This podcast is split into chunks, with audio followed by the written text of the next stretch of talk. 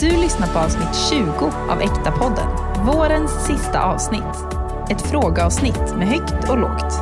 Om hur man gör för att ta sig ur självhat och hur man hanterar att både du och din kompis mår dåligt samtidigt. Vi beskriver Alvas och Helenas bästa sidor och pratar om hur man kan embracea sin lekfullhet. Och så skickar vi med några musiktips inför sommaren. Nu åker vi. Okej, här kommer en fråga. Eh, vad var ditt bästa och sämsta ämne i skolan? Oh, mitt bästa ämne var svenska, helt klart. No surprise there. Nej, det känns som att jag är en parodi på en person som gillade svenska i skolan. Nej, men eh, jag sa fram till att jag gick typ i sexan att jag skulle bli författare när jag blev stor. Mm. Ehm, skrev mycket berättelser och diktsamlingar, mycket dagbok. Ehm, och eh, ja, men det roliga är att jag lämnade sen skrivandet under en ganska lång tid i typ högstadiet och gymnasiet.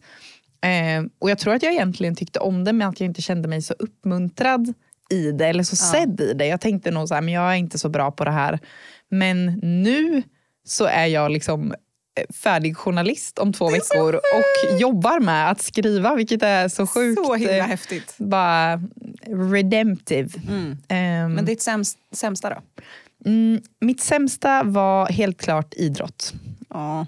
Um, alltså, jag vet egentligen inte varför jag tyckte det var så hemskt men jag minns från en väldigt liten ålder att jag tyckte det var sjukt jobbigt och obehagligt med idrotten. Mitt, ett av mina första mål du vet, som man hade på utvecklingssamtalen i ettan var, och jag minns det ordagrant, var Alva ska säga till om hon tycker att någonting känns svårt eller pirrigt på rytmiken. Fint! ja, Pirrigt på rytmik. Ja, och sen, så jag tror att det var dels att det var jobbigt liksom, att jag kände mig utlämnad för jag kände inte att jag var så bra på det. Och så ska man liksom visa upp någonting som man Nej, inte känner sig bra på. Men sen tror jag också att jag tyckte att det var lite jobbigt rent fysiskt. Alltså att det inte var min, min grej, att jag var lite lat. Eh, att, men att jag inte var en sportig person, vilket jag typ undrar om det var sant. För det är som att jag fortfarande kan ha en självbild att jag inte är en sportig person. Fast jag typ är en ganska så vältränad person. Och typ gymmar flera gånger i veckan. Jag vet. Eh, så att, eh, jag vet inte. Men det var i alla fall mitt bästa och mitt värsta. Ja. Vad var dina då? Eh, men mitt värsta var matte. Och där, intressant att du sa det där med, med att man har en liksom självbild fortfarande. För att jag har verkligen en självbild av så här, typ att jag är lite korkad eh, gällande vissa sådana. sådana Alltså så sjukt! Ja, eh, och jag, alltså jag vill verkligen inte skylla allt på det här men jag hade en lärare som inte trodde så jättemycket på mig på högstadiet. För jag minns inte det här från liksom låg och mellanstadiet utan det var på högstadiet när det började bli lite svårare. Och eh, det gick till den grad att, att jag behövde liksom extra hjälp. Eh, och där minns jag att min, alltså extra, min stödlärare då bara, alltså varför är du här? Typ, du fattar ju allting, du behöver inte det här. Eh, Så det kan ha med pedagogiken att göra kanske. Är Eh, inte det så sant för så många just när det gäller matte? Det känns som Jo. att det där är mångas berättelse. Ja, precis. Eh, så sen så höjde jag mig massa efter att jag hade fått eh, stödhjälp. Så det var ju fett. Men jag tror att jag liksom all, för alltid känner mig lite stukad gällande matte. Eh, mitt bästa var också svenska. Såklart. Eh, Såklart. Eller ja, eh, om man bortser från musik. Men det kändes, ja det är väl givet. Men, eh, Det är väl givet. för dig alltså. Ja, ja, för mig. Exakt. Ja, det är väl givet för alla. Men eh, jo, för att jag har alltid älskat att eh, skriva och liksom, ja, älskar fortfarande det. Jag, jag minns att på gymnasiet så önskade jag mig i julklapp Thomas Tranströmers stora diktsamling, en så jättetjock bok. Och så satt jag och fick jag den då. Så satt jag och läste för hela familjen. Bara, ah, hörni, lyssna på det här. Stenarna ligger som uppkrupna båtar på... Alltså, ni vet. så gulligt! Helena, Ja. 15 år. Ja, det var faktiskt fint. Och på gymnasiet så valde jag en, en kurs som fanns som hette litterär gestaltning. Där man fick öva på att skriva noveller och dikter och prosa. Och, alltså, det var, jag kan fortfarande typ, jag har med mig fortfarande grejer som jag lärde mig där. Och det var fantastiskt kul. Nice. Jag skrev lite prosa igår. Lite fri prosa. Jag skulle, det skulle bli en låt eller en dikt men så försökte jag liksom gå utanför min box av hur jag brukar skriva och så försökte jag förklara det här för dig och då sa du bara prosa. Du skrev alltså lite prosa. Idag är säsongens sista avsnitt för Äkta podden och det är också sista gången vi spelar in i den här studion som är på Alva skola eftersom Alva tar examen nu. Så det är lite så här, Vi vet inte var vi ska vara i höst. nej, allt är ovisst. Eh, Så vi är lite sådär nostalgiska som, som sig bör i maj, juni. Ja, vi pratar väl aldrig om det. Om Att vi är nostalgiska. vårens vemod. Exakt. Så dagen till ära så tänkte vi ha en frågestund. Så vi kommer blanda frågor som ni har skickat in till oss eh, och frågor som vi helt enkelt vill ställa till varandra som vi tänker eh, är intressanta för er också. Ja, vi är jättetaggade Ja, på frågorna och svaren. Exakt. Så nu åker vi.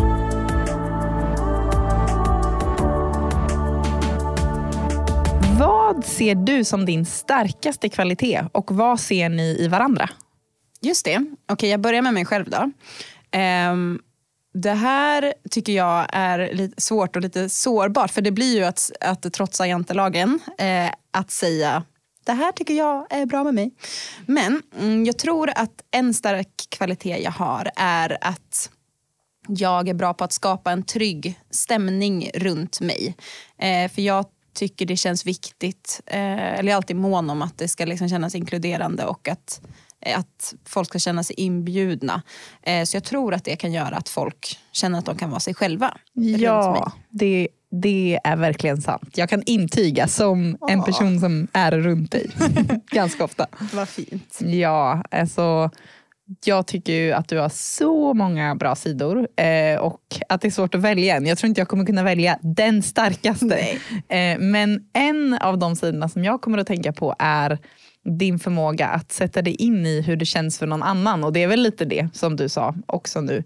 Att koppla det till något du själv har upplevt och också att ge en bild eh, som kopplar till det som personen har sagt. Eh, ja, men att du är väldigt empatisk. Vad fint. Och eh, alltså, Det känns som att det spelar ingen roll om det är någon upplevelse som jag berättar om som du kanske aldrig har upplevt själv eller som är väldigt långt borta från någonting du har upplevt så känner jag ändå alltid att du förstår.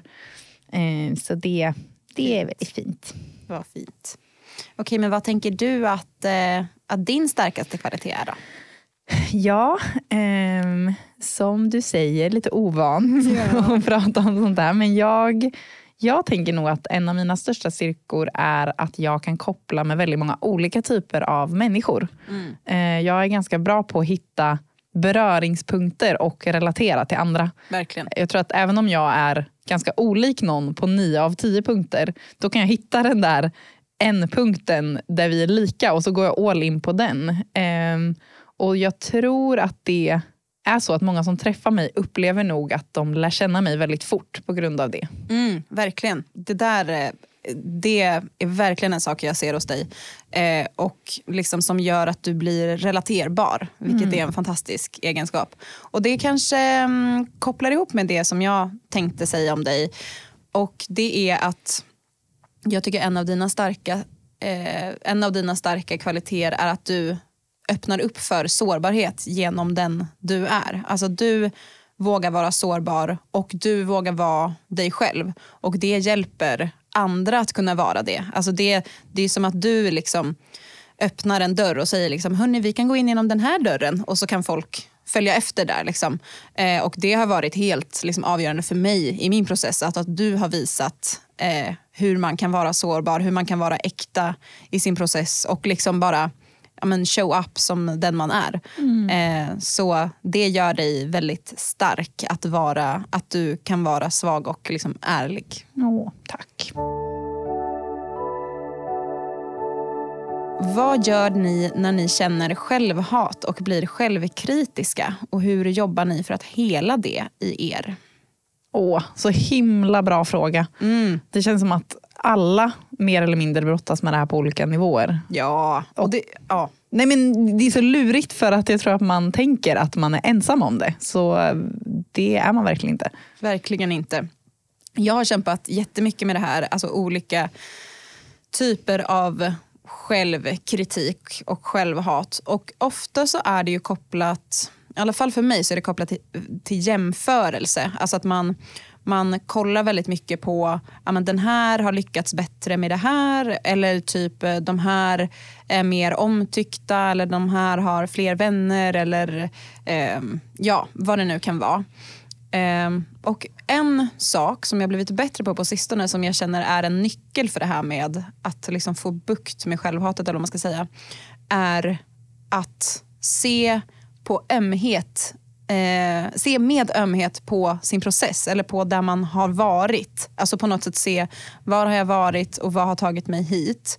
För att när man tittar på sitt liv och på andras liv och jämför dem, då ser man liksom bara ytan. Alltså man ser bara det tvådimensionella. Man ser inte, vi räknar inte med allt som jag och den här andra personen har varit med om innan. Vad, vad man har kämpat med, vad man har överkommit, vad man har för bagage, vad man ser framåt. Eller man tar inte in något av det. Man ser Nej. bara liksom ytbilden eh, av varje person. Just det. Kan du ge något exempel på hur du gör för att, eh, för att göra det här? Ja. Eh, jo men så här. Eh, för många år sedan så gick jag en utbildning i musikproduktion på Musikhögskolan. Och jag var 21 när jag började, så jag var superung. Eh, man kan känna verkligen så här, jag hade typ nästan kommit ut från gymnasiet precis. Hade gjort några andra grejer. Och jag hade aldrig producerat musik innan. Jag hade skrivit musik men aldrig liksom spelat in eller så. Så jag var helt grön på det området när jag kom in. Och då tänker jag nu att så här, det är helt rimligt att tänka, ja men så här, du håller på att lära dig och det här är helt nya grejer för dig. Det är är okej att du inte kan allt än, såklart. Eh, men jag var så otroligt självkritisk under de här åren. Alltså, jag var så sjukt hård mot mig själv. Jag tyckte verkligen att jag behövde kunna allt och jag jämförde mig så mycket med mina klasskompisar som hade eh, kommit längre på vissa områden och jag nedvärderade jättemycket det jag kunde som de inte kunde lika bra. Alltså det var bara så här, inte lika viktigt, min, mm. liksom, eh, min kunskap. Och eh, bara för några dagar sedan så eh, kom det upp ett klipp på Facebook eh, liksom, som ett minne. Så här, ja, men för ett x antal år sedan så eh, hände det här. Och då var det en eh, film från en konsert vi gjorde eh, då under min utbildning. Och jag bara tittade på mig själv när jag liksom sjöng en låt som jag hade producerat. Jag hade gjort videoproduktioner och projektioner och grejer. Och jag bara wow, shit vad grym jag var. Bara, jag hade hållit på med det här i typ ett år och så kunde jag göra det här. Och det är lite det som jag vill komma åt. Att man kan se på ömhet, med ömhet på resan som man har gjort. Att man kan se liksom otroligt att jag hade bara hållit på med det här så här länge och ändå så lyckades jag göra det här. Och absolut, det var inte på samma nivå som den där klasskompisens men den hade en helt annan resa. Eh, det finns så många steg som jag liksom, utifrån vart jag var som jag tog under de åren. Liksom. Mm. Det är så himla bra och jag tänker att det, när du pratar om det här så tänker jag på hur i vårt samhälle så finns det en sån förväntan på att man ska vara vuxen när man egentligen är väldigt liten och att man ska klara av mycket som egentligen inte är rimligt att man ska kunna klara av. Och Jag tror att det kan förstärka självhatet. Och ja, men, till exempel så förväntas man när man är typ tonåring ha vuxna kärleksrelationer. Alltså man Verkligen. är väldigt liten och så här, flyttar nästan ihop med varandra eller ska leva något slags samboliv fast man egentligen är ett barn. Och, man är typ 15 år. Ja, och så jämför man sig med en vuxen relation och tänker att då borde jag veta alla de grejerna. Exakt, det är som att man leker att man är gift på något sätt. Och, eh, det, och så är man jättehård då mot sig själv. Och sen när man tittar tillbaka på det så har det varit jättemycket för mig i relation till min mammas död. Jag var ju 15 när hon dog. Och under, alltså under tio år fram till jag var typ 25 så otroligt hård mot mig själv eh, kring hur jag hanterar det. Men nu kan jag ju se bara jag var ett barn och jag gjorde det bästa jag kunde. Så det känns som en väldigt viktig nyckel att eh, titta tillbaka. Precis, och allt kommer ju tillbaka till det som vi ofta pratar om, nämligen att möta sig själv och sitt lilla barn. Eh, barnet som bor i en, möta det med empati. För att jag tänker att som vi skulle titta på ett barn med liksom varm blick på ett barn som håller på att ja, men, lära sig cykla eller lära sig någonting överhuvudtaget. Så behöver vi titta på oss själva. Den blicken behöver vi ge oss själva. Och jag minns att du berättade någon gång att du hade hittat ett filmklipp på dig själv när du var typ tre år eller något. Mm. Och att det gjorde att du liksom såg dig själv på ett annat sätt. Vi har pratat innan, innan om att man kan hitta en bild men med filmer är det på något sätt ännu mer för att man kan se en själv när man är liten, se hur man interagerar med omgivningen, hur man tittar på sina föräldrar, allt man försöker med men också bara hur man är sin lilla sprudlande person. Liksom. Ja, det blev verkligen en sån aha-upplevelse för mig att se det där. För det var som att jag förstod, för man är ju en ganska äkta version av sig själv när man är tre år. Och att jag såg bara, just det, det där är jag. Och nästan som att min självbild kunde ändras lite utifrån det och jag kunde förstå mig själv väldigt mycket och känna otroligt mycket empati för, för mig själv. Och bara det där lilla barnet finns ju till viss del fortfarande kvar och kämpa på. Precis. Ehm, Så bild fortfarande ett hett tips. Film ännu hetare tips. Vad är det första ni lägger märke till när ni träffar en ny person? Mm, Okej. Jag tänker, det här kanske är liksom kanske lite luddigt eller fluffigt men det första jag kommer att tänka på är att jag brukar känna av liksom vilken atmosfär liksom ger den här personen. Vilken atmosfär skapar den här personen runt sig? Alltså är den eh, liksom varm och trygg eller är personen lite liksom flackig med blicken eller lite osäker? Eller känns det som att personen eh, vill vara lite cool, lite liksom avmätt sådär? Ehm, det känns som att jag bara så här direkt typ försöker snappa upp. Liksom. Och jag tror att ett av skälen till att, eh, till att jag noterar det här först är för att jag, sen jag var liten så har jag liksom haft ett mönster av att vara en people pleaser. Liksom. Så att jag har velat att folk ska vara nöjda med mig för att då innebär det att jag kommer att bli älskad och accepterad. Och för att kunna göra folk nöjda så måste jag ju då ha läst av dem. för att kunna förstå hur jag kan vara runt dem, liksom vilken kameleontskepnad jag ska ta. Vad behövs i den här situationen? Exakt. Vem behöver jag vara? Så det är ju, kan man ju säga är liksom den dåliga sidan av det. Med, Medan den bra sidan av det är väl att jag liksom genom det här försöker förstå och lyssna in människor och är intresserad av dem. För att det är inte som att jag liksom stannar där och bara okej den här personen är osäker och sen så liksom ändrar jag mig inte utan jag skulle vilja säga att mitt liksom, första intryck snarare är någonting som kanske gör mig nyfiken och gör att jag vill veta mer om den personen och var den kommer ifrån och sådär. Nice. Det är kul för att jag visste inte vad du skulle svara på den här Nej. frågan men jag eh, har tänkt att säga typ exakt samma sak. alltså, vi är inte alls lika. Vi inte alls Nej, lika. va? Nej men alltså att jag ehm, känner nog in väldigt mycket om personen känns varm och mjuk. Och Ja. eh, att jag tycker att det är ganska lätt att känna om någon är väldigt hård mot sig själv för det brukar sippra ut lite hur den personen pratar om andra och är mot andra. Och ehm, jag kan nog märka att om någon är väldigt hård mot sig själv eller väldigt stängd, då ser jag det lite som mitt mission att hjälpa den Crack personen. open. Exakt, dels att ge mycket kärlek och vara så här, åh du, liksom bara vara jätteuppmuntrande och liksom bryta igenom. Men också tror jag lite den här känslan av att ingen når dig men jag kan nå dig. Lite så här medberoende. Så det går in jättemycket i det som du säger också. Att, att man vill på något sätt fixa situationen. Eh, och jag brukar nog också lägga märke till ganska snabbt om personen känner sig bekväm eller inte i sammanhanget och hur den hanterar det. För man kan göra det på olika sätt. Antingen är personen en sån som då ser till att hitta andra som också är lite obekväma och försöker få den personen att känna sig bekväm. Eller så är den personen en sån som hävdar sig och försöker ta plats för att liksom värja sig mot känslan. Just det. Eh, och eh, det brukar jag också notera.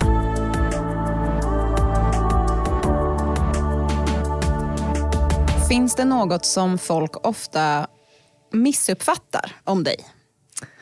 Alltså, det är ju svårt att veta för man vet ju inte alltid eh, hur folk tänker och det är inte alltid man pratar om sånt efteråt. Så att det här kan ju också vara min, mina egna projiceringar Absolut. på vad jag tänker att folk tänker. Men jag tror att om folk träffar mig när jag känner mig trygg så får de nog en ganska sann bild av mig tidigt för jag är ganska öppen med vem jag är. Ehm, men jag tror att det kan finnas två missuppfattningar.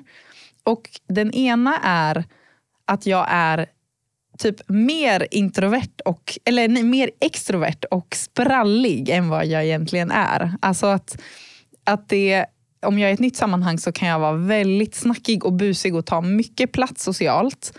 Och det, det gör jag ju. Men jag har nog varit med om ganska många gånger att att folk har sagt saker som att bara, jag tänker att du var sån här i skolan eller du har nog alltid varit väldigt populär och haft väldigt lätt för dig och alla har alltid gillat dig. Mm, okay. Och på ett sätt så har jag ju kanske alltid haft det lätt socialt fast jag har också haft ganska mycket självhat genom typ hela högstadiet och gymnasiet och brottats mycket med det och därför kan jag nog känna mig lite ovaliderad av den känslan och att folk ser på mig och tänker att du är någon som har haft det väldigt bara lätt genom livet. Mm. Um, men eh, sen så har jag också upplevt, kanske inte lika ofta, men lite åt andra hållet, att folk uppfattar mig som lite hård fast jag egentligen är ganska mjuk. Och, men det är nog mer när jag känner mig otrygg. För då kan jag vara lite ja, hård. Typ en gång så hade jag en rumskompis i USA som sa att bara, du är lite som en skorpion. Hård, hård på utsidan och mjuk på insidan. Nej. Och då, Det kände jag mig så eh, ledsen och missförstådd av. Men jag tror kanske att det är vanligare med den missuppfattningen åt andra hållet. Men jag vet inte riktigt. Intressant. Jag vet. Men eh, vad roligt, för att jag eh, har lite liknande. jag tror så här, eh, många, eh, eller jag tror att jag ofta uppfattas som väldigt liksom, utåtriktad, en liksom, ledartyp eh, som tar mycket plats. Och det är nog sant, alltså det är inte en felaktig uppfattning. Men det är nog väldigt lätt då att tänka tror jag att jag är en en extrovert person som liksom mest hämtar energi från umgänge och eh, liksom att jag behöver jättemycket so social input och sådär. Eh, och ja, det är klart att jag behöver det eh, och jag tycker om att vara med folk. Men jag, liksom, jag kopplar nog mer mig till en person som behöver ganska mycket eget space typ, och egen tid. Eh, det har, ända sedan jag var liten så har det varit så. Jag var väldigt så här, eh, jag var ett ganska melankoliskt barn och eh, satt liksom på klipporna och skrev dagbok och hittade liksom undangömda platser där jag satt och skrev dikter. Typ. Jag eh, har en kusin som jag eh, älskar och som, eh, men som är väldigt olik mig. Eh, och hon var liksom extremt energisk och jag var ganska så liksom, lugn som barn. Och eh, Vi spenderade alla somrar tillsammans och eh, så var det liksom att jag efter ett tag kände bara jag behöver utrymme. Typ. I need space. I need space. Hon var åtta och jag var nio. Eh, och så frågade jag mamma, bara, kan du säga till henne att jag behöver vara själv och läsa? Mm. Och så bara sa hon det. Och så gick jag in, läste Harry Potter och min kusin hängde på handtaget och bara, när är du färdig? jag, jag var med kusinen. ja, exakt. Nej, men så, eh, jag, det är ofta så nu också att typ, om vi eh, har ja, men, om man typ har semester med kompisar eller liksom är på släktträff eller något att jag ofta behöver gå undan då och då eh, för att liksom samla kraft i min ensamhet. Eh, och Jag känner ofta av liksom, att mina depåer på något sätt börjar sina när jag inte haft egen tid på ett tag. Så jag är utåt och jag är social men jag har också en melankolisk introvert sida av mig som behöver näras. Mm, ja, men det, jag tänker verkligen dig som en introvert person men det är ju lite skillnad för att jag känner dig Exakt. väldigt väl. Råd kring när man mår dåligt och ens vän mår dåligt samtidigt. Ingen orkar riktigt vara där för den andra men man vill samtidigt stå med genom alla säsonger i livet. Vad gör man? Alltså när vi läste den här, vi bara relaterar! Alltså, det är verkligen en otroligt bra fråga för det känns som att alla har varit med om det här då och då för att man mår ju dåligt ibland. Verkligen. och det känns som att eh, anledningen till att man tycker att det här är så svårt att liksom navigera i är för att det blir en behovskamp. Alltså att det känns som att det måste vara så att ens, en, eh, en av personernas behov är viktigare än, andra, eh, än den andras. Och då blir det liksom, rädslan blir ju mina behov kommer inte bli mötta i slutändan. Exakt, det är lite som det här som vi har pratat om innan. Jag tror det var när vi pratade just om behov. Att det är som att man har en bild av att det finns en pizza som vi alla delar på. Och om någon får fler pizzabitar så betyder det att jag kommer få färre. Mm. Eh, att en person bara kan må dåligt i taget. Men vi tänker ju att alla har varsin pizza. Att det på något sätt finns oändligt med resurser för att möta varje persons behov. Ja, precis. Så det känns bara lite som liksom grundgrejen. Eh, och då i anslutning till det så blir det ju på något sätt att så här, vi behöver kanske justera förväntningarna på vad relationen ska vara i den här säsongen. För att ni kanske har haft eh, i en annan säsong att er relation har sett ut på ett visst sätt. Ni kanske eh, var ute och hittade på jättemycket saker eller ni kanske alltid hade jättelånga djupa konversationer och nu bara orkar ni inte det för att ni mår båda dåligt. Ni kanske bara orkar hänga max en timme och ni kanske inte orkar prata. Eh, och det finns så mycket tid och nåd för att liksom sörja det här, tänker vi. Att sörja att relationen förändras, att livet gör ont och att det inte riktigt blev som ni önskar. Alltså, ni kan inte vara det ni önskar för varandra och det gör ju väldigt ont. Men det är först liksom, efter att man har sörjt som man kan hitta liksom, och se möjligheter. Vad kan vår relation vara nu? Alltså vad, vad har vi att ge? Vad finns det för kapacitet? Vi kanske bara typ tittar på film ihop eller någonting. Eh, vi, vi kanske bara, ja men att, att det får se ut på ett annat sätt. Liksom, relationen kan få en annan kostym och det är okej. Okay, liksom. Ja, det är viktigt att tänka att i en relation så kan man ju bara kontrollera sig själv och sitt eget beteende. Och om man upplever att den andra personen inte typ kämpar för dig och kämpar för er relation, då kan det bli lätt att den hamnar i den här klassiska pendeln som vi brukar prata om. Mm. Antingen att man då klamrar sig fast vid rätten att ha behov och känslor. Och man vill, det är det viktigaste, att man vill hävda och visa att men jag känner så här och jag vill inte ge någonting alls till dig för jag har massa behov. Mm. Eller så pendlar man över till att man då ger mycket mer än vad man har för att kompensera för att den andra inte ger och för att man ger för att man egentligen vill ha. Så tänker man, men om jag ger lite till så kanske den till slut kommer ha då tillräckligt för att ge tillbaka. Och Det här gör ju att man både kör över, alltså att man kör över sig själv väldigt mycket men också inte ser den andra. Liksom. Exakt, och målet är ju att stanna kvar i dig själv. Och att istället tänka över, precis som du sa, att vad har jag kapacitet att ge i relationen nu? Vad har du kapacitet att ge? Vad kan vi vara för varandra? Och så landa i det. Och då har man gjort, det är bättre att ge en pytteliten grej som man gav från en äkta plats där man kände att det här hade jag faktiskt att ge. Eh, än att ge jättemycket och eh, bli bitter och sen pendla över till andra sidan. Ja, verkligen. Och det här, det här tycker jag är, det leder till liksom en viktig fråga. Nämligen vad tänker jag att min uppgift är i förhållande till min vän? För att det kan ju vara att man har lagt väldigt mycket identitet på ett sätt i att så här, men jag är en sån som liksom stöttar mina vänner genom att liksom ge mycket goda råd. Eller så här, jag hjälper till jättemycket praktiskt eh, och ska vara liksom den mest lojala vännen. Och alltså det här är ju bra saker men man kanske faktiskt har tänkt så för att man vill fixa den andra personen. För att man liksom helst ska man se till att den personen inte har det jobbigt längre. Och det, det gör nog att det då blir en liten clash när man sen själv inte känner att man orkar ge det där. För då kan man ju förstå, om man tänker att man ska göra allt det här, att man ska ta bort smärtan från sin kompis att man ska göra alla de här liksom eh, storartade vänsakerna, då kan man fatta att det blir väldigt överväldigande om man själv känner att man mår dåligt och typ inte pallar med sig själv i den säsongen man är i. Men då tänker jag så här, vad är min uppgift egentligen som vän? Det är inte att få min vän att sluta må dåligt och det är inte, det är inte Alvas uppgift att få mig att sluta må dåligt för att vi vi är båda människor som liksom själva ansvarar för vårt mående och det är inte vår uppgift att fixa varandra.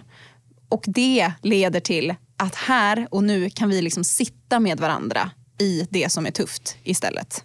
Ja, det är så otroligt viktigt och så otroligt bra för att det handlar någonstans om att hitta beröringspunkterna där vi kan relatera till varandras smärta och tuffa period. Där vi kan känna empati för varandra och då, då kan det här jobbiga som man går igenom faktiskt leda till att man kommer närmare varandra istället. Verkligen. Och att man förstår varandra mer för att eh, man vet hur det är att må dåligt. Mm. Vi det känns som att vi har varit i det här jättemycket bara de senaste månaderna där vi kan relatera till varandras smärta av att livet inte blev som vi hade tänkt oss på vissa punkter. Och då kan det ju vara så, vi hade så senast i typ går eller när det nu var vi hängde, att vi båda hade haft en ganska tuff dag och man kände sig ganska dränerad och då kan det kännas som att jag behöver massa saker. Men istället blev det som att för att vi båda kunde komma med det och relatera till varandra och se varandras smärta, även om det inte är exakt samma smärta så finns det ändå en punkt av att ja, men det här är lite likt. Då kunde ju det istället ge oss båda hopp och energi och föra oss närmare varandra och Verkligen. vi båda kunde gå därifrån gladare och lättare och mer hoppfulla. Verkligen. Och det blir så häftigt då också för då kan man också på något sätt när man båda har landat i det där att bara åh vad vi kämpar typ. Då kan man också typ skratta lite åt det. Alltså då kan det liksom bli att man avdramatiserar det en liten stund och att relationen snarare får bli en vila liksom från det där. Verkligen, det blir lite tragikomiskt. Mm. Att bara, här sitter vi och bara är en mess. Exakt. Men alltså till dig som har ställt frågan, att du ens ställer den här frågan visar på så mycket omsorg för både dig och din vän. Och bara det känns som att det kommer göra så mycket för er relation. Och det är inte lätt, men ni är inte ensamma. Det här är någonting som gäller för alla genom olika säsonger. Vilken typ av känslor känner du oftast? Jag har väldigt mycket känslor. Jag är verkligen en känsloperson och jag har alltid varit det. Och Det har varit en sån där grej som jag har liksom slagit ner på mig själv och tyckt att så här, du är så himla känslosam. Men eh, jag har verkligen kunnat omfamna det på, på sistone. Nice. Ja, eh, och vi kan ju ta både positiva och eh, vad ska man säga, mindre positiva känslor som exempel här då. Eh, en liksom negativ känsla jag ofta känner är att jag känner mig överväldigad. Eh, och det kommer ofta, i, det är ju liksom en triggad känsla. Eh, så det är liksom när jag känner mig på något sätt övermannad av livet. Att jag känner mig trängd och jag känner mig väldigt liten som att jag inte kan klara av grejer. Och fast jag egentligen är en jättekapabel person så är det som att så här, om en till liten grej läggs på mitt bord då kommer jag inte klara någonting. Och det eh, är ofta något som kanske inte har med situationen att göra utan mer har rot i någonting större. Liksom. Ja. Um, en positiv känsla jag ofta känner är faktiskt nyfikenhet. Och den, jag har liksom inte satt ord på det tidigare riktigt men jag kan bli väldigt så här, genuint intresserad av typ vad som helst. Nice. Jag tänker det som jag sa som en positiv styrka hos dig, just det att du kan relatera till typ vad som helst även om du inte har varit med om det själv. Det känns som att det går in i den här grejen. Ja men vad fint. Ja men precis. För att det känns som att så här, även om det inte är mitt liksom, område eller någonting så känns det som att jag Eh, ja, men så här, om, man, om jag är ett möte med, eller liksom, i mötet med en person så kan jag alltså verkligen fråga typ, hur mycket som helst om någons liksom, arbete eller om dens intresse och det kan nästan bli så att jag blir så här otroligt konstigt specifik i mina frågor för att jag verkligen typ är intresserad av hur det funkar. Och det kan också visa sig i att jag då i och för sig kanske lite mer om områden som jag kanske är grundintresserad av. Men att jag typ nördar ner mig jättemycket och letar upp jättemycket fakta och info. Så här, följer konton, lyssnar på poddar, läser böcker. Just nu till exempel är det ju mycket om föräldraskap och eh, liksom födande och förlossningar. Alltså inte att jag är gravid men jag bara är intresserad av det. Och kroppspositivism och sånt där. Och då liksom bara grottar jag ner mig. Så nyfikenhet. Nice. Vad har du då för känslor som du ofta känner? Ja, jag tänkte på det här när jag skulle fundera på ett svar för att det känns som att negativa känslor etsar sig ofta fast i minnet mer än positiva. Det är lätt, det, de tar ofta större plats. Ja.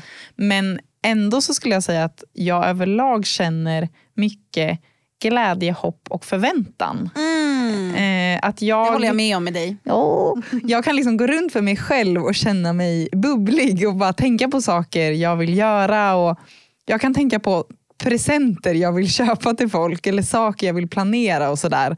Jag kan liksom tänka på att jag skulle vilja skriva liksom ett, ett kort till den här personen och berätta typ, varför den är så fin och så kan jag bli helt glad och bara förväntansfull av det. Så Ehm, fint. Ja men tack. Det kanske också är för att jag känner mig bubblig just nu. Så då är det som att jag känner alltid så här. Men jag kan nog ändå ganska ofta liksom eh, komma tillbaka till det. Och sen ehm, tror jag också att negativa och positiva känslor går så mycket hand i hand. Absolut. Och jag har nog ehm, generellt ganska djupa dalar och höga toppar. Och eh, för att jag känner också otroligt eh, mycket ja, men, vemod och nederlag. Eh, för jag tänker att de är lite så här, vemodet är på ett sätt en ganska skön känsla. Det är, jag skulle klassa det som en mer negativ känsla. Men det är ändå så att ehm, Man känner att man lever man känner att man sätt. lever. Det smärtar. Det är som att jag tänker på allt i livet som gör ont. Jag tänker på alla som har det tufft. Jag tänker på allt i världen som är fel. Men det är någonstans sanna känslor. Det Ja. finns mycket som är tufft. Det finns mycket som gör ont och det kan kännas skönt att tänka på det. Men jag kan också känna nederlag ganska lätt. Lite som du sa att du känner dig överväldigad så tror jag för mig att nederlag är en lite så här go-to när jag är triggad. Ja. Alltså, jag gör allt det bästa jag kan men det är aldrig nog. Det kommer aldrig räcka hur mycket jag än gör. Eh, och det är en hemsk känsla. ja, verkligen. Jag har börjat gå på en resa av inre helande men mina kompisar verkar inte så intresserade av att göra samma. Har ni några tips?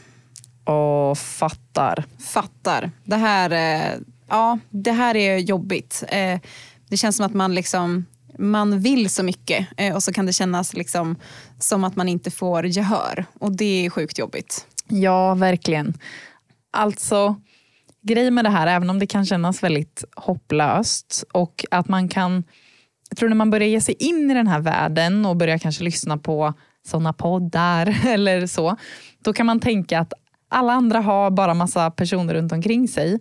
Men jag tror för de allra flesta som har börjat gå på en så inre helande resa så är det så att man måste själv forma kultur där man Ja. går fram. Alltså i sin kompisgrupp, bland de som är i ens närhet som kanske visar ett frö av intresse så måste man någonstans etablera ett gemensamt språk för det här. Och bjuda in med hur man lever. Alltså Ja, öppna verkligen. konversationer och liksom så, genom, att genom sig själv liksom forma. Ja, men att inte backa undan. Jag har verkligen mm, upplevt det här i mitt liv. För jag började väl den här resan för vad det nu är, eh, sex, sju år Ja. sedan. Ja. Och för mig började det med dig, att jag bjöd in dig väldigt mycket i min process. Så att för oss har ju processen gått väldigt mycket hand i hand för att du var med från början. Men sen har det ju varit mycket med till exempel de personerna som jag har bott med. Att jag har inte backat. Jag hade ett samtal med min nuvarande rumskompis häromdagen där hon sa att hon uppskattar så mycket att i början när vi bodde ihop och saker kom upp, att jag inte lät dem bara sippra iväg utan att jag bara, nej men nu ska vi prata om det här eller att jag eh, tryckte på hennes knappar och liksom eh, fortsatte vara sårbar, fortsatte luta mig in. Och till slut då, förhoppningsvis så kommer ju den andra personen känna att det är mer connectande att göra så och att det ger någonting tillbaka och att man blir nyfiken på det sättet att leva. Verkligen. Precis. Och det här är... ehm, det, det är en så fin linje mellan liksom att bjuda in och att pusha.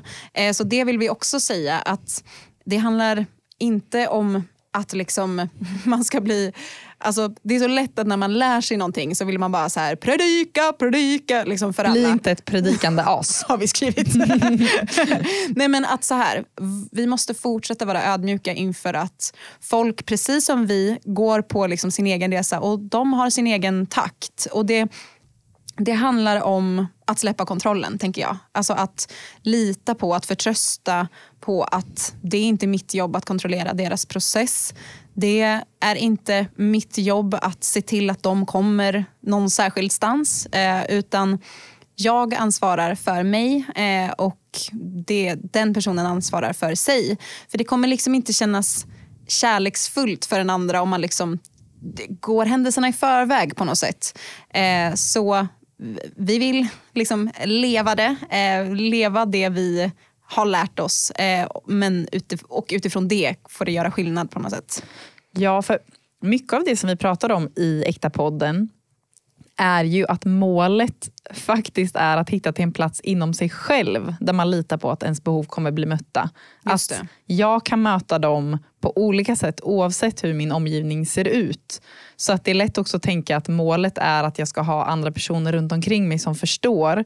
Men målet kommer alltid vara din trygga anknytning till dig själv. Ja. Och eh, då kan också de här behoven bli mötta på oväntade håll.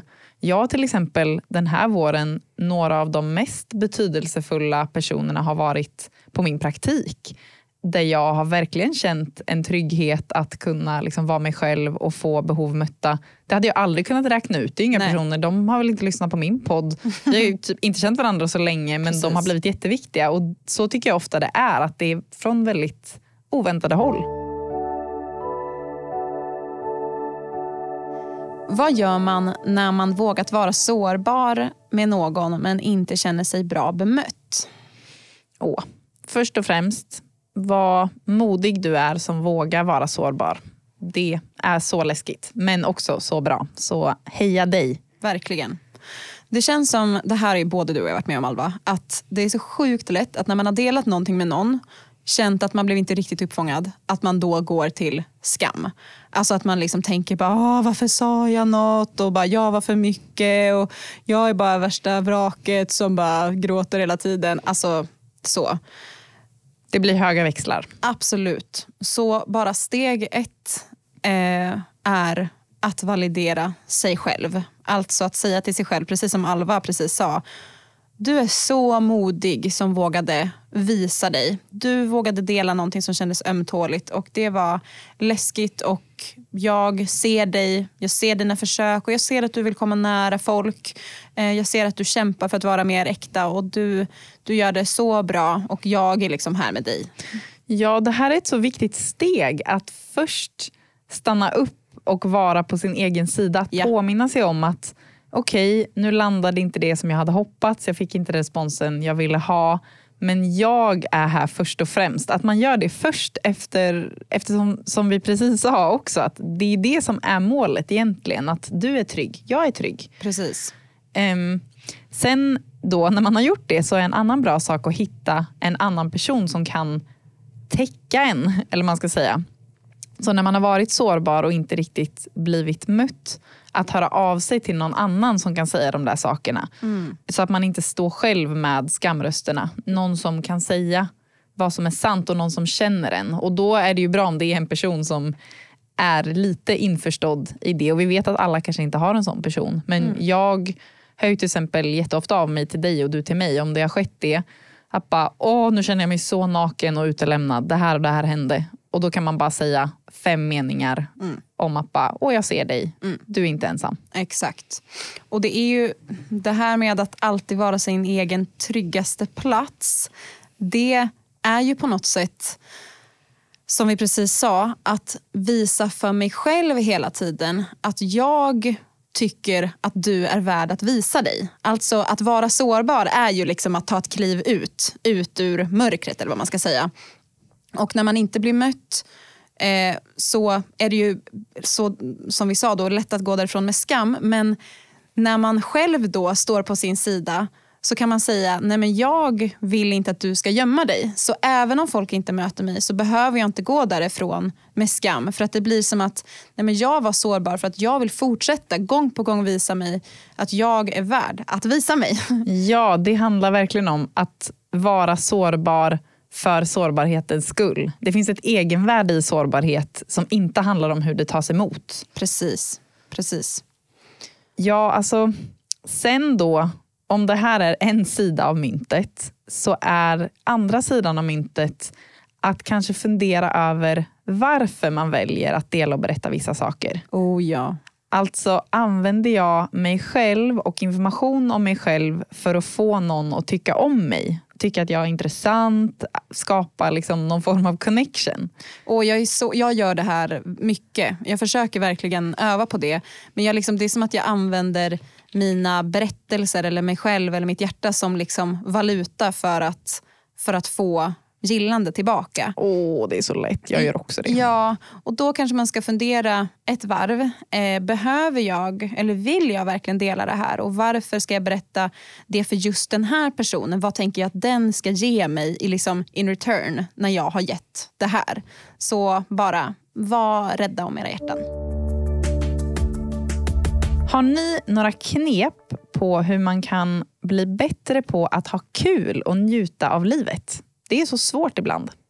Håller med, det är svårt. Men så bra fråga. Och vi kände när vi fick den frågan att det här ska vi ha ett helt avsnitt om, förmodligen i höst. Men vi kan ändå säga lite om det nu. Yeah. Ja, men det här är verkligen någonting som vi båda har funderat på och det känns som en väldigt viktig del för att bli hel på insidan. Alltså att också veta hur man ska ha kul. För att när man processar väldigt djupa saker och upptäcker tunga områden då är det så viktigt att komma upp till ytan och andas ibland. Ja. Det är liksom lika viktigt som att vara där nere på havsbotten så måste man komma upp över ytan. Ja, för det känns också som att så mycket helande finns i det roliga och i skrattet. Det är inte, inte bara så här, ah, det är skönt att få en break ibland utan också att man faktiskt kan återupptäcka delar av sig själv. Det är som att man återupptäcker barnet som finns i en. Liksom. Ja, verkligen. Vi lyssnar mycket på en podd som heter The Connected Life med Justin och Abby Stumbles. Vi brukar prata om dem och referera till dem mycket. Och De släppte ganska nyss ett avsnitt om just det här som handlar om skillnaden mellan att vara barnslig och ha barnaskapet kvar. Mm -hmm. Vad är alltså, skillnaden då? Nej men, för att vara barnslig, det kan ju ofta liknas vid en omogenhet. Alltså att man inte riktigt vill ta ansvar för sig och sin historia och man inte vågar titta på det som är sva, svart, svårt. Men att ha barnaskapet kvar, det är att man har kunnat ge empati åt sitt inre barn. Man har kunnat äga sitt liv och därmed kunnat upptäcka eller återupptäcka delar av en själv som man kanske tappat bort. Ja, just det. Så man har gått på resan av att liksom lära känna sig själv och därmed kan man på något sätt återvända till det sanna som finns i liksom barnet. eller vad man ska säga. Ja, för jag tror att ju mer man har helat sitt inre barn, ju mer kan man ehm, tap in i barnaskap. Mm. Och ju mer man är fast i sitt inre barn, ju mer barnslig är man för att man typ vill ta avstånd från barnet på något mm, sätt. Just det. Men du hade ju en period när du bodde i USA när du verkligen gick på en resa med det här. Ja, jag bodde i USA under en lång period och då var det mycket tunga saker som kom upp. Det var första gången som jag tittade på mycket av sorg och saker som jag inte hade bearbetat. Och Det här har vi pratat om innan, men jag hade lite svårt att släppa taget om processen. Jag var lite så gift med min process.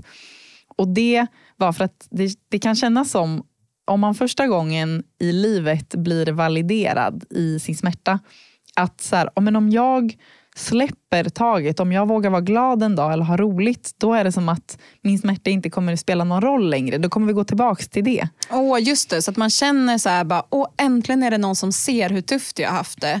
Och då kanske man tror att för att jag ska fortsätta bli älskad på den platsen måste jag stanna kvar i liksom djup sorg hela tiden. Exakt. Men en bit in i den här processen så blev jag utmanad att utforska hur man har kul. Och ja. Först var det lite provocerande också. Att jag bara, vadå kul? Jag, jag är i djup smärta. Faktiskt.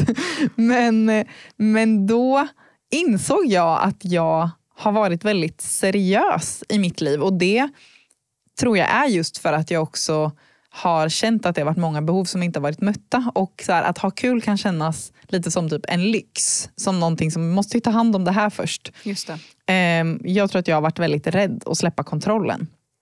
Eh, så för mig så blev det verkligen som att lära känna mig själv och återupptäcka mig själv.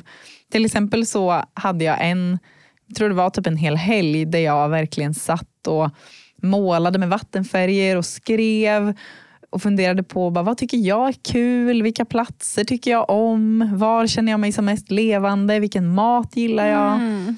Bara så här, vad får mig att må bra? Och det blev som nycklar till att förstå vad som ger mig glädje.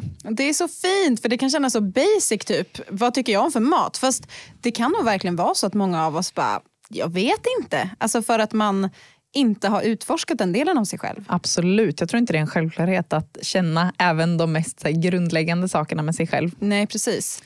Men vad, vad, vad gjorde du mer då för att liksom eh, dyka in i det här kul, kul diket? Kulträsket. Ja, Nej, men ett annat tips som jag fick, och det var Ruth Outram som eh, var min mentor då.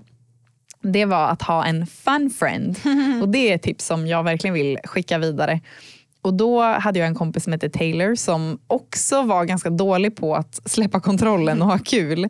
Så vi krokade i varandra och gick in för att bara göra kul saker. Eller vi, vi pratade om andra grejer också men vi hade dagar då vi hängde när vi sa att nu får vi inte prata om någonting djupt utan eh, vi får gå på bio eller gå ut på en hike eller åka och bada.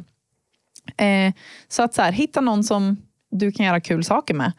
Och Alltså, jag tror i det, en sak som vi nog behöver komma bort ifrån, det är den här idén av att alla våra vänner ska fylla alla våra behov. Att, oh ja. att varje vän behöver kunna möta våra emotionella behov till exempel och känna oss innan och utan. Att, att man behöver känna sig 100% trygg att dela liksom alla områden. All, ja, på alla områden. Liksom. Det är så sjukt lätt att man tänker det. Att den här vännen ska ha alla de här grejerna jag tycker är viktigt i vänskap. Men snarare kan man nog tänka att liksom, men det, vore, det är fint om man får ha liksom flera olika vänner som kanske alla liksom, eh, fyller lite olika saker. Eh, att våra vänner inte kan ge oss allt men de kan möta oss på vissa plan. Och då att ha en vän som man kan ha roligt med är liksom inte mindre värt än att ha en vän som man kan ha det eh, emotionellt liksom kopplat till. För att, att ha roligt är också ett behov. Exakt, det är inte en sämre vänskap. Nej. Sen um, en till grej som jag har lärt mig och lärde mig under den här perioden om att ha kul. Det är, om man tänker på barn, de gör ofta saker som är helt meningslösa. Alltså de leker och lekandet har egentligen inget syfte annat än att det ska vara kul. Det finns liksom ingen långsiktig så här, det här kommer leda till det här och det är därför jag gör det här när jag står och hoppar i den här vattenpölen och fyller mina stövlar med vatten. Exakt. Och sen så blir vi vuxna och då tänker vi att allt måste ha ett resultat och vi måste optimera våran tid. Alltså vi gör kanske saker som vi tycker är kul men vi blandar det alltid med någon nytta. Vi mm. går på en promenad för att det är också motion och så passar vi också på att lyssna på en podd när vi går på promenaden för att lära oss någonting. Precis. Och Därför så kan det kännas obekvämt för oss att göra saker bara för att det är kul. Att, det, ja, det kan nästan kännas som alltså, jag slösar tid. Absolut. Ja. Och Det är väl det som är lite grejen. att det är kanske lite tidsslös om man tänker inom citationstecken. Men jag tror verkligen att vi behöver öva på att göra saker utan att det har ett större syfte och vara beredda på att det kommer vara lite obekvämt. Ja. Att det kanske måste ta emot lite. Det kommer inte bara komma helt sömlöst.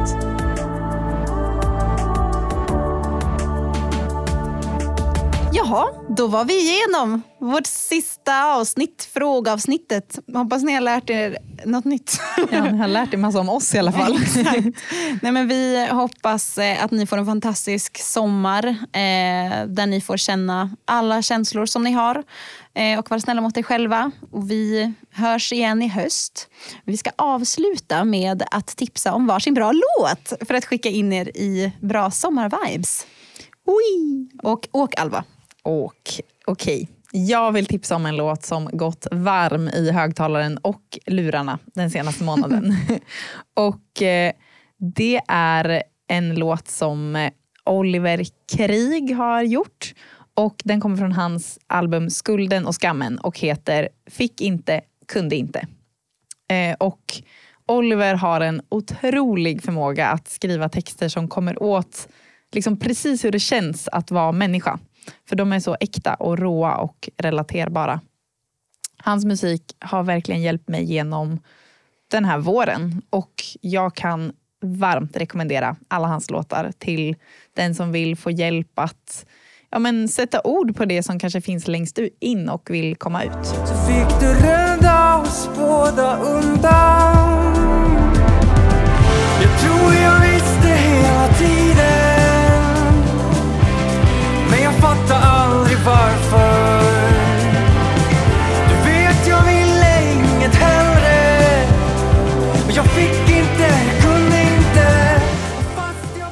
Bra tips. Eh, mitt tips är också relaterat till Oliver. Eh, Oliver är en kompis till mig och vi skriver och producerar mycket musik ihop. Och idag faktiskt, när vi spelar in det här avsnittet, så släpptes det en låt eh, av en annan person som han samarbetar med. Nämligen en artist som heter Josefin Söderqvist. Låten heter Du kommer gå långt. Eh, och eh, Oliver har varit med och producerat den tillsammans med Josefin. Och jag eh, tycker den är fantastisk och jag tycker den kopplar bra med Äkta podden för att den är liksom en hoppfull och mjuk uppmuntran eh, om att vi kämpar alla på eh, men vi kommer faktiskt framåt. Så glad sommar från Äkta podden. Glad sommar! Du